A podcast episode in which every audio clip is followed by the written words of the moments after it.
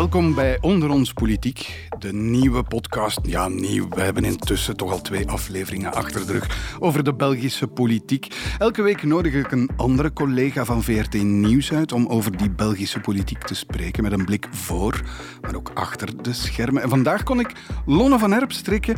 Ze stond al klaar met de jas aan om naar huis te vertrekken, maar was toch nog bereid om eventjes tijd te maken voor deze podcast. Dag Lonne. Dag Ivan. In elke aflevering behandelen we twee thema's. En op het einde van de podcast beantwoorden we ook een vraag van de luisteraar. Trouwens, wie zo'n vraag wil stellen, die kan dat altijd doen via het mailadres onderonspolitiek.vrt.be.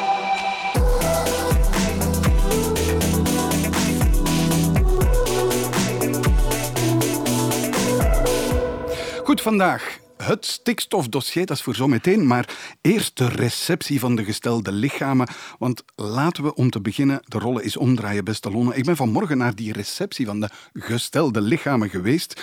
Je kan het een beetje de afsluiter noemen van alle politieke nieuwjaarsrecepties. En het is altijd een hele belevenis. Ja, en het was mij al opgevallen dat je een heel chic kostuum aan had vandaag. Dus het moet zijn dat dat daar een chique bedoeling is. Maar wat is dat eigenlijk, die gestelde lichaam? Ik vind dat een heel raar woord. Het is een verschrikkelijk raar woord. Het is een slechte vertaling van het Franse les corps constituants. Dat wil zeggen de hoogste autoriteiten van het land eigenlijk. Letterlijk zijn het de onderdelen van de samenleving die belangrijk zijn. Zoiets als je het letterlijk uh, zou vertalen. De lichamen die deel uitmaken van uh, uh, de samenleving. Zeg maar de politieke autoriteiten, de gerechtelijke autoriteiten, de kerkerlijke autoriteiten Kortom, iedereen die er een beetje toe doet, uh, wordt dan op het paleis uitgenodigd om te luisteren naar een toespraak van de koning en van de eerste minister. Want je weet, elke keer als de koning zegt, moet die gedekt zijn door iemand van de regering. En dus in dit geval de eerste minister. En nadien is er een receptie waar je en dat is het voordeel daarvan als politiek journalist, waar je iedereen op een paar honderd vierkante meter bij elkaar krijgt en waar je gewoon van de ene naar de andere kan huppelen, als het ware, om een gesprek uh, te voeren.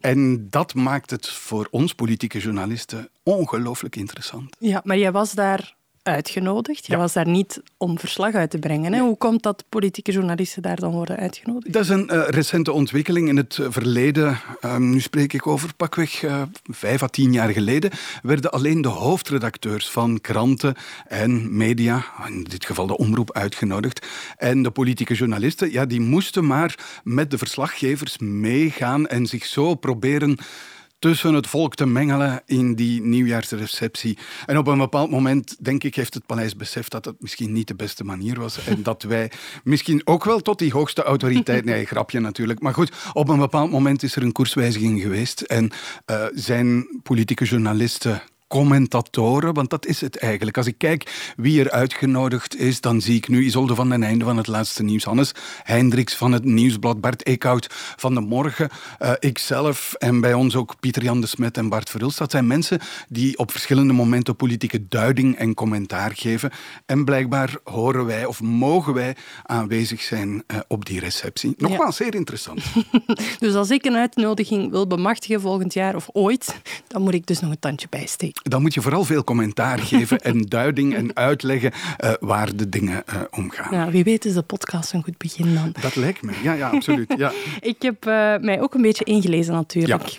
En er bestaat zoiets als een préséance-lijst die op zo'n gestelde lichaamreceptie een belangrijke rol ja. speelt. Leg eens uit, wat is zo'n lijst? Ook weer een bijna ja, geen vertaling, want het is la liste de préséance is het eigenlijk. En dat is een protocolaire volgorde waarin al die autoriteiten zich moeten plaatsen. Van 1 tot 178 heb ik al ergens uh, gelezen. En dat begint bij de koning, de koningin. Ga zo maar voor, de leden van de koninklijke familie. En dan wordt er naar beneden gegaan, ja, moet ik bijna uh, zeggen. En, en bijvoorbeeld de kardinaal, die staat relatief hoog. Uh, de premier staat pas op de elfde plaats. De... Dus de kerkelijke instanties staan boven de premier? Ja, je krijgt... Het is een heel oud België dat je daar te zien krijgt. Mm -hmm. En je merkt het ook uh, in, in het item dat op het journaal werd, of wordt getoond over die receptie van de gestelde lichamen, zie je helemaal in het begin hoe een rij van eerbiedwaardige gezagsdrager zich vormde en de koning loopt die rij af. En dat is het begin van die préséance-lijst. En bijvoorbeeld Jozef de Kezel, dat is een oud-kardinaal, die stond helemaal vooraan. En de premier stond een beetje achter. Voor hem stond nog uh, Stefanie Doze bijvoorbeeld, namelijk de senaatsvoorzitter en de kamervoorzitter. Die staan voor de, dus de wetgevende macht, staat voor de uitvoerende macht. En zo wordt heel die lijst samengesteld. En als je heel die lijst afloopt, dan heb je een zaal gevuld van enkele honderden mensen. En dan heb je eigenlijk de hoogste autoriteiten van het land. Ja, dus de gestelde lichamen.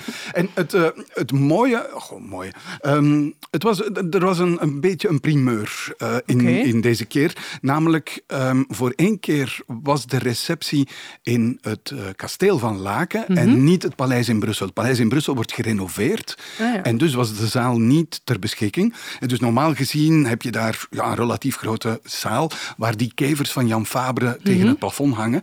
Dat is de zaal die uh, onder meer gebruikt wordt. Er zijn er verschillende achter elkaar, want je hebt uh, de toespraken worden gehouden in een, een plek waar heel veel stoelen staan natuurlijk. En dan moet iedereen recht staan en de koning en de koningin volgen die naar een volgende zaal stappen. En daar vindt dan de receptie plaats. Ja. En nu was dat in het uh, kasteel van Laken um, een, een, beetje een, een primeur. De eerste keer dat ik zo diep in dat kasteel uh, ben geweest, wel een paar keer aan de voorkant uh, een aantal dingen kunnen doen, maar nu helemaal aan de achterkant bij de serres. Een kleinere zaal en dus ook minder mensen uitgenodigd. Mm. Bijvoorbeeld in het verleden worden de echtgenotes van politici mm -hmm. mee uitgenodigd. Okay. Dat was nu niet het geval. De fractieleiders uh, van Kamer, Senaat en andere parlementen zijn normaal gezien uitgenodigd. Nu niet het geval. Mm. Dus het was een beetje ja, een hele kleine receptie, ja. maar daarom niet minder interessant. Maar je bent dus bij de koning thuis geweest.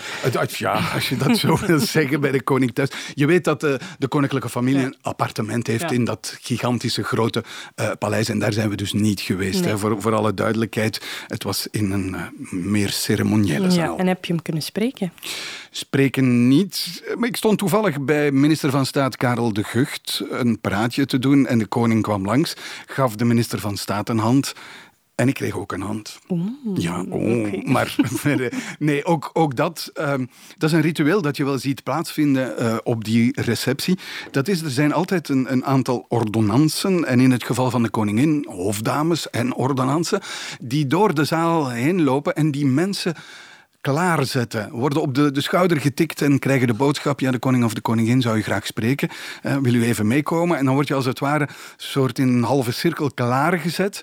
En dan verhuist de koning van de ene halve cirkel naar de volgende en doet dus een gesprekje. Of in het geval van uh, wat, wat meer belangrijke mensen, zoals politici, uh, heb je soms een tijd dat tijd en dan zie je dat de premier eventjes uh, mm. apart wordt genomen. Of een andere minister van Staat eventjes apart wordt genomen. Ja, maar heel stijf en formeel. Ongelooflijk dan. stijf en, en, en formeel. Dat, Awkward dat, ook een beetje? Uh, ja. Het is een anachronisme, denk ik. Hè. Dus van, van alles wat je in de politiek, en je kan veel zeggen over de politiek, maar een echte stijve boel is de politieke wereld nee. niet.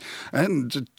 Daarin lijken politici op heel wat gewone mensen wat dat betreft. Ja, en dan is het hier toch wel een tikkeltje net iets stijver. Mm -hmm. um, en je merkt ook, iedereen doet dan toch een beetje zijn best. Een pak, een das. Zoals mm -hmm. je zei, ik heb een mooi pak aangetrokken vandaag met een das.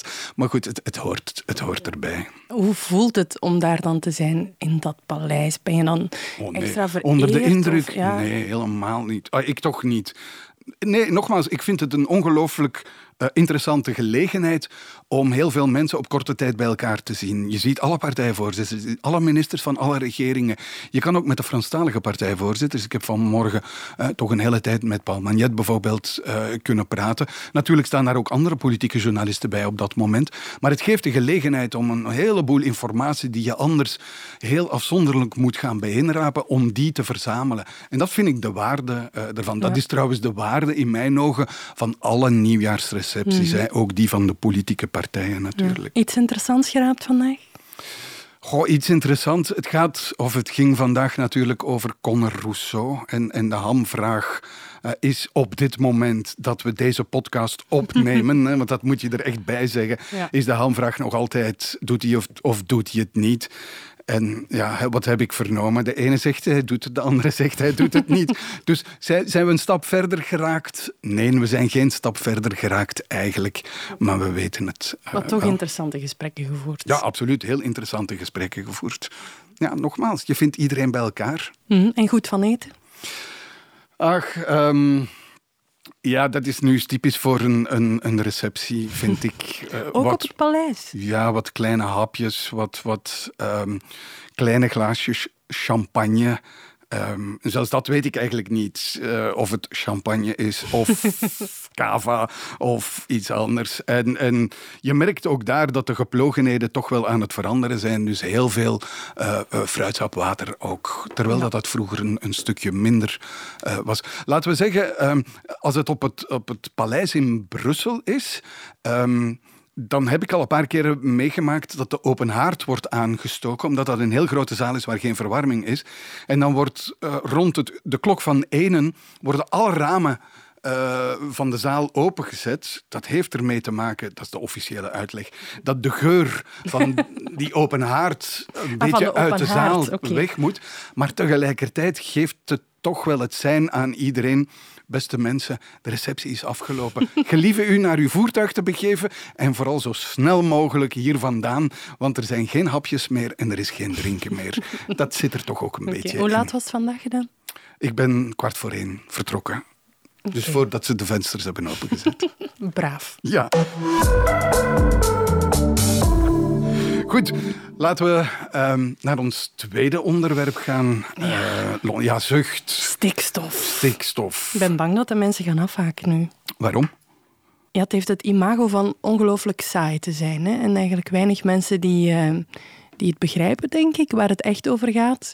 Dus ik ben een beetje bang dat we luisteraars gaan verliezen door mijn... Ja, nee. uh... Zullen we beginnen met uh, de vraag, je boerenprotest. Ja. In welke mate speelt het stikstofdossier een rol in dat boerenprotest? Hier in Vlaanderen speelt het absoluut een rol. Um, maar ik denk dat die boerenprotesten nu gestart zijn onder impuls van de protesten in het buitenland. En die gaan niet noodzakelijk over stikstof. Die gaan zelfs niet over stikstof. In Frankrijk gaat het bijvoorbeeld over de dieselprijzen, geloof ik.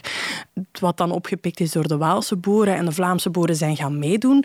En je merkt wel dat de Vlaamse boeren die nu meedoen, daarbij gaat het absoluut onder andere over stikstof. Er was vanmorgen in het radionieuws nog een, uh, een jonge landbouwster uit Essen, geloof ik, die zei van ja, er is vorige week dat stikstofdecreet goedgekeurd in het Vlaams parlement. Wij als boeren, wij zijn aan de kant gezet. En wie niet wil luisteren, ja, die zal moeten voelen. Dus ja, het speelt absoluut ja. een rol. Ja. Waarom heb ik de indruk dat jij op de redactie zo wat de enige bent die dit dossier echt onder de knie hebt? Weet niet of dat klopt in de zin van, ik denk dat er veel collega's zijn die de, uh, het politieke spel heel goed onder de knie hebben. Wat ik heb gedaan, wat misschien iets anders is, is ik heb heel erg gestudeerd op de technische aspecten van dit dossier. Ben je, ah, misschien verkeerd woord, een boerendochter? Bedoel, heb je een, een band met het vak? Of, nee, of, nee? nee totaal niet. Ik ben uh, geen boerendochter. Ik ben opgegroeid in, het, in de landelijke Kempen. Dat is misschien de enige band die je zou kunnen vinden, maar daar heeft het eigenlijk niks mee te maken. Ik vond het belangrijk om die technische aspecten te snappen, om te begrijpen waar die discussies aan de tafel over gingen. Want helemaal aan het begin toen stikstof een thema begon te worden, werden wij platgeslagen met allerlei moeilijke termen die niemand begreep. Was vrij intimiderend. Ik dacht, ik ga mij niet laten vangen. Ik ga mij niet in politieke spelletjes laten meezuigen, woordvoerders die interpretaties van bepaalde theorieën als, als feiten voorstellen. Ik dacht, ik wil het kennen en ik wil zelf weten waar dit over gaat. Om het dan vervolgens ook op een zo simpel mogelijke manier te kunnen uitleggen aan de mensen. Dus uh, ik heb mij daar een hele zomer mee bezig gehouden in komkommertijd. Op een moment dat ik ook niet kon voorspellen dat stikstof zo groot ging worden. Maar uh, ja, it paid off. Je zegt groot ging worden. Is het groot? Gaat het volgens jou bijvoorbeeld een verkiezingsthema worden? Een verkiezingsthema in de zin van stikstof als verkiezingsthema, dat lijkt me sterk. Omdat stikstof aan zich een, een problematiek is die bij de boeren heel erg leeft, maar daarbuiten minder. Ik denk wel dat landbouw en platteland versus stad dat dat een verkiezingsthema wordt. Maar het is absoluut een groot dossier geweest voor die Vlaamse regering. De Vlaamse regering is er bijna over gevallen, ook al kan ze niet vallen, maar bijna op geblokkeerd geraakt um, een jaar geleden ongeveer, denk ik dat het was. Hè. Het is het dossier geweest van die Vlaamse regering de afgelopen jaren. En ik denk dat niemand dat had zien aankomen toen de regering begon. Oké, probeer nu eens uit te leggen. Um, wat is nu uiteindelijk beslist? Wat staat er in dat decreet? Als je dat in simpele termen zou moeten proberen uitleggen. En ik weet, het is een zeer technisch. Hè? Je hebt het daarnet gezegd hoe technisch en hoeveel tijd je mhm. ervoor nodig hebt gehad. Maar wat is de stand van zaken? Wat heeft de Vlaamse regering nu eigenlijk beslist in dat stikstofdecreet? Het stikstofdecreet is de wetgeving die de afspraken van het laatste stikstofakkoord, want er zijn er verschillende geweest, maar het laatste stikstofakkoord in wetteksten heeft gegoten. Oké, en wat zegt wat zegt dat laatste akkoord? Dat zegt een heleboel dingen. Ehm, dat legt een hoop maatregelen op, onder andere aan de landbouw, maar ook aan de industrie, om die stikstofuitstoot omlaag te doen gaan. Voor de landbouw zijn die heel erg strenger. Het gaat over een afbouw van uh, de varkenstapel met tot 30 procent, geloof ik. Dus dat is enorm ingrijpend. Maar het regelt ook hoe er nog vergunningen afgeleverd kunnen worden in de toekomst. Niet alleen voor de landbouw, bijvoorbeeld ook voor de industrie. En ze hebben daarvoor gezorgd dat dat op een ja, programmatische manier kan gebeuren. Dus wat was de situatie op dit moment? Uh, moest iedereen die nog een vergunning of een hervergunning wilde krijgen, heel grondig gaan onderzoeken wat de impact zou zijn van de stikstofuitstoot op de omliggende natuur. Ze willen dat simpeler maken. Ze hebben ervoor gekozen, we gaan dat in een model gieten en we gaan met drempels werken. Wie onder een bepaalde drempel valt, kan ehm, nog een vergunning krijgen zonder dat er zo'n uitvoerig onderzoek bij hoort. En dus het betekent dat niet elk bedrijf een heel omstandig onderzoek van zijn eigen impact moet doen, maar dat er gewoon een rekenmodelletje excuseer voor heel uitgebreid rekenmodel. Een rekenmodel wordt losgelaten op de situatie van dat bedrijf. En als de uitkomst onder een bepaalde drempel valt, dan is die vergunning nog mogelijk. Ja, maar voor de landbouw ligt die drempel heel erg hoog, laag, is maar hoe je het bekijkt, op 0,025. Dus. Heel erg streng. En ook veel strenger dan voor de industrie. En dat is een belangrijk discussiepunt geweest de afgelopen maanden, jaren zelfs. En dat is ook waarom die boeren nog altijd zo boos zijn. Zij vinden dat ze niet op dezelfde manier behandeld worden als de industrie. De politiek zegt, ja, nee, zo werkt het niet. Ten eerste, het is een ander soort stikstof die uitgestoten wordt, maar die technische uitleg ga ik misschien besparen. Maar het heeft ook te maken met de beschikbare stikstofruimte die er nog is. Een minister legde het uit als we hebben dat 50-50 verdeeld. De helft is voor de landbouw, de andere helft is voor de industrie. Maar er komt nu eenmaal veel meer vanuit die landbouw dan vanuit die industrie. Dus die koek moet verdeeld worden over veel meer bedrijven, veel meer mensen, waardoor die drempel veel strenger is voor de landbouw dan voor de industrie. Maar volgens hen is dat wetenschappelijk onderbouwd. Is het probleem nu opgelost? Eh, we hebben een decreet, hoera, hoera, hoera. De Vlaamse regering is gered. Um, is het probleem nu opgelost? Als ik de boeren die betogen mag horen, niet. Eh, want zij mhm. halen het volledig onderuit, zijn ontevreden, willen wil alles opnieuw uh, herzien.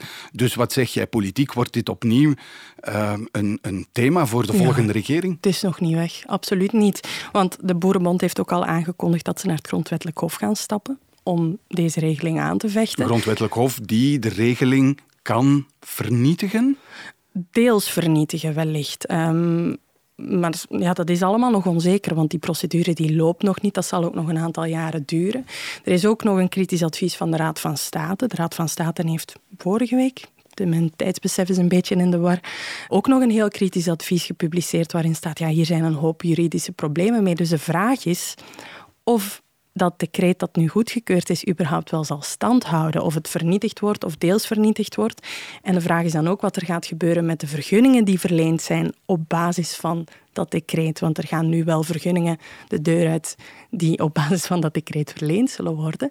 En dan is de vraag, ja, hoe rechtszeker is deze situatie dan? Want de hele reden waarom we een stikstofdecreet wilden hebben was om rechtszekerheid, bestaanszekerheid te geven aan die boeren. Om te zorgen dat ze wisten van wij kunnen door in de toekomst, investeer maar, doe maar voort.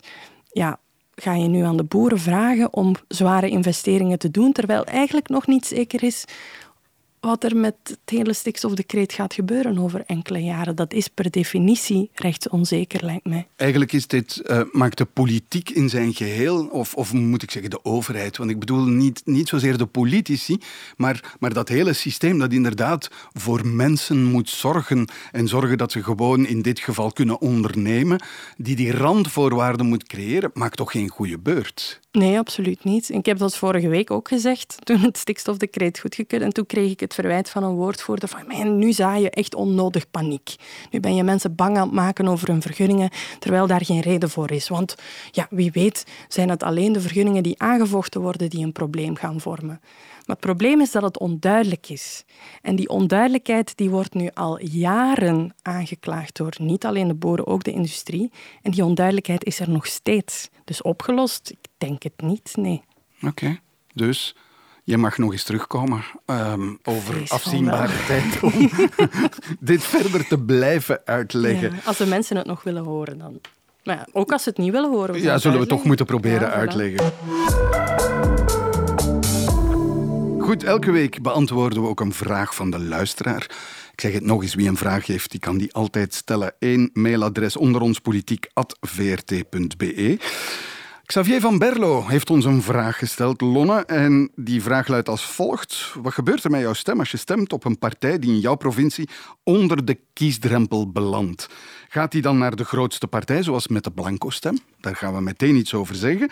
En hij stelt zich ook nog de vraag, is dat strategisch dan beter om op je tweede keus te stemmen als je vreest dat die stem daardoor verloren zou gaan? Misschien eerst over die kiesdrempel. Die ligt op 5 ja. In België, maar per provincie. Dus iemand kan, of een, iemand, een partij kan in de provincie Antwerpen onder de kiesdrempel belanden, maar in alle andere provincies gewoon wel verkozen raken. Dat is al één verschil. Dus het heeft met de provincie of de provinciale kieskring te maken. Wat gebeurt er met die stemmen als je de kiesdrempel niet haalt? Die verdwijnen.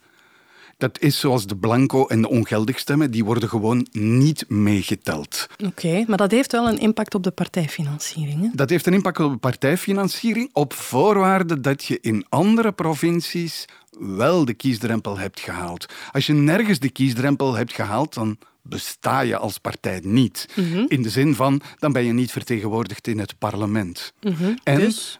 Vermits die vertegenwoordiging in het parlement nodig is voor de partijfinanciering, krijg je dan ook geen partijfinanciering. Stel dat je in een aantal kieskringen wel de kiesdrempel haalt en in een aantal niet, dan worden die stemmen waar je onder de kiesdrempel zit, toch meegeteld voor de partijfinanciering. Ah. Dus je krijgt geen vertegenwoordigers, je zit eronder, maar de stemmen tellen wel mee om het bedrag te berekenen dat je krijgt. Een voorbeeld, Vlaams Belang heeft in 2019 lijsten in Wallonië ingediend. Geen enkele verkozene, natuurlijk niet, maar vermits zij wel verkozenen had in de andere Vlaamse kieskringen, hebben die stemmen wel meegeteld voor de berekening van de partijfinanciering van Vlaams Belang. Dat is dus één voorbeeld. misschien moeten we het ook wel even hebben over gaat die stem dan naar de grootste partij? Want dat is zo'n mythe, een hardnekkige mythe die, die bestaat over de blanco-stemmen.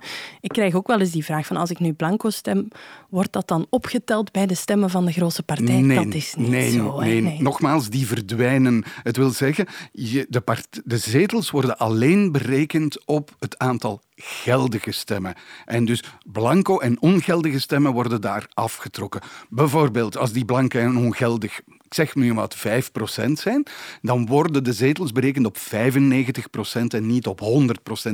Die 95 wordt terug opgeblazen tot 100% en dat is de berekening. En dat mechanisme heeft natuurlijk tot gevolg dat elke partij een klein beetje groter wordt. Ja, proportioneel. Maar proportioneel. Elke partij wordt een stukje groter. Dus het idee dat blanco stemmen alleen naar grote of de grootste partijen gaan, klopt niet. Maar elke partij wordt door dat mechanisme gewoon een klein beetje groter. Ja. En in die zin gaat het wel naar de bestaande partijen die wel mm. vertegenwoordigd Eigenlijk leg je je gewoon neer bij de keuze van de andere kiezers. Dat komt daarop neer. En de vraag of je strategisch moet stemmen, ik vind dat een heel moeilijk te beantwoorden vraag, omdat ja, dat is de keuze die je moet maken in je eigen hoofd. Hè. Wil je voor je hart gaan en de eerste keuze nemen? Of denk je dat er iets gaat gebeuren wanneer je voor een tweede, eventueel derde keuze gaat? Ja, dat is bijna zoals bij het gokken. Je, je maakt een zekere berekening. Maar mijn advies zou zijn altijd voor het hart gaan en voor de eerste keuze, eerlijk mhm. gezegd. Ja, je kan je ook afvragen, is het niet slimmer om gewoon toch op je eerste keuze te stemmen in de hoop dat jouw stem het verschil kan maken? Ja, elke stem telt. Elke stem telt. En als je je laat leiden door peilingen, ja, peilingen zijn ook maar peilingen. Dus het zou zonde zijn eigenlijk. Voilà, mooie conclusie. Dat is het einde van deze nieuwe aflevering van Onder ons Politiek. Lonne van Herp, dank je wel. Je mag je jas aantrekken en vertrekken. Dank en je wel. nog even zeggen dat we als politieke podcast niet willen ontbreken op het podcast-event van de VRT op 9 maart in Mechelen. Tickets vind je via de website van VRT Max. Voor de sessie vraag het aan Ivan. En daar kan je mij en hopelijk ook andere collega's van VRT Nieuws rechtstreeks vragen stellen over de Belgische politiek. En volgende woensdag vind je Onder ons Politiek weer in de app van VRT Nieuws met de vierde aflevering. Tot dan.